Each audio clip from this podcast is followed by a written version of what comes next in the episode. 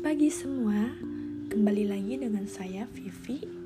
Dalam kesempatan kali ini saya akan membahas mengenai komunikasi antar budaya. Sebelumnya, apa sih komunikasi antar budaya itu? Komunikasi yang terjadi di antara orang-orang yang memiliki kebudayaan yang berbeda. Bisa dari beda ras, etnik, atau sosial ekonomi.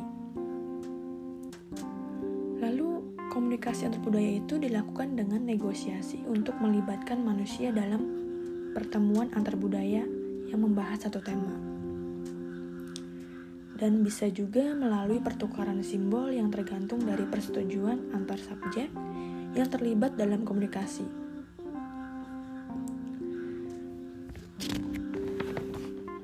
Nah, hasil dari komunikasi budaya itu apa saja sih yang terjadi? Yang pertama, pastinya pandangan seseorang.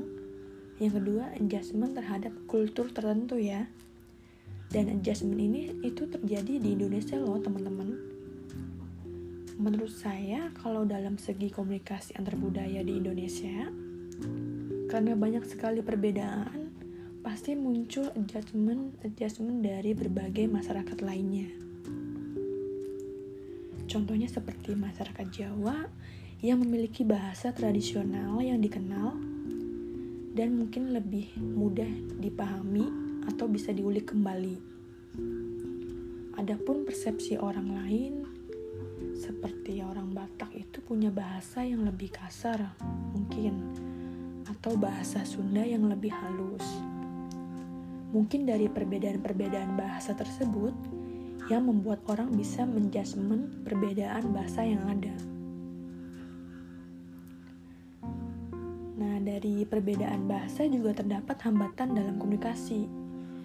Apa saja sih hambatan komunikasi antar budaya itu?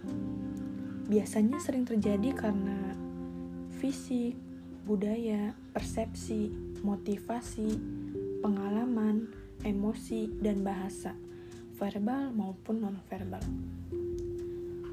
Untuk itu, kita harus mengatasi hambatan tersebut dengan cara Pertama, gunakan umpan balik atau feedback. Pahami perbedaan individu atau kompleksitas individu dengan baik. Gunakan komunikasi langsung, face to face. Dan juga gunakan bahasa yang sederhana dan mudah. Sebelum menutup podcast ini, kita sebagai manusia yang saling berkomunikasi di dunia yang memiliki beragam budaya, Hindari untuk membuat asumsi-asumsi yang menjatuhkan orang lain dengan melalui bahasa ataupun komunikasi. Selain itu, hindari menghakimi karena semua orang mempunyai budaya yang berbeda dan saling menghargai dan harus saling menghargai dan menerima perbedaan. Terima kasih sudah menemani podcast saya hari ini. Selamat beraktivitas.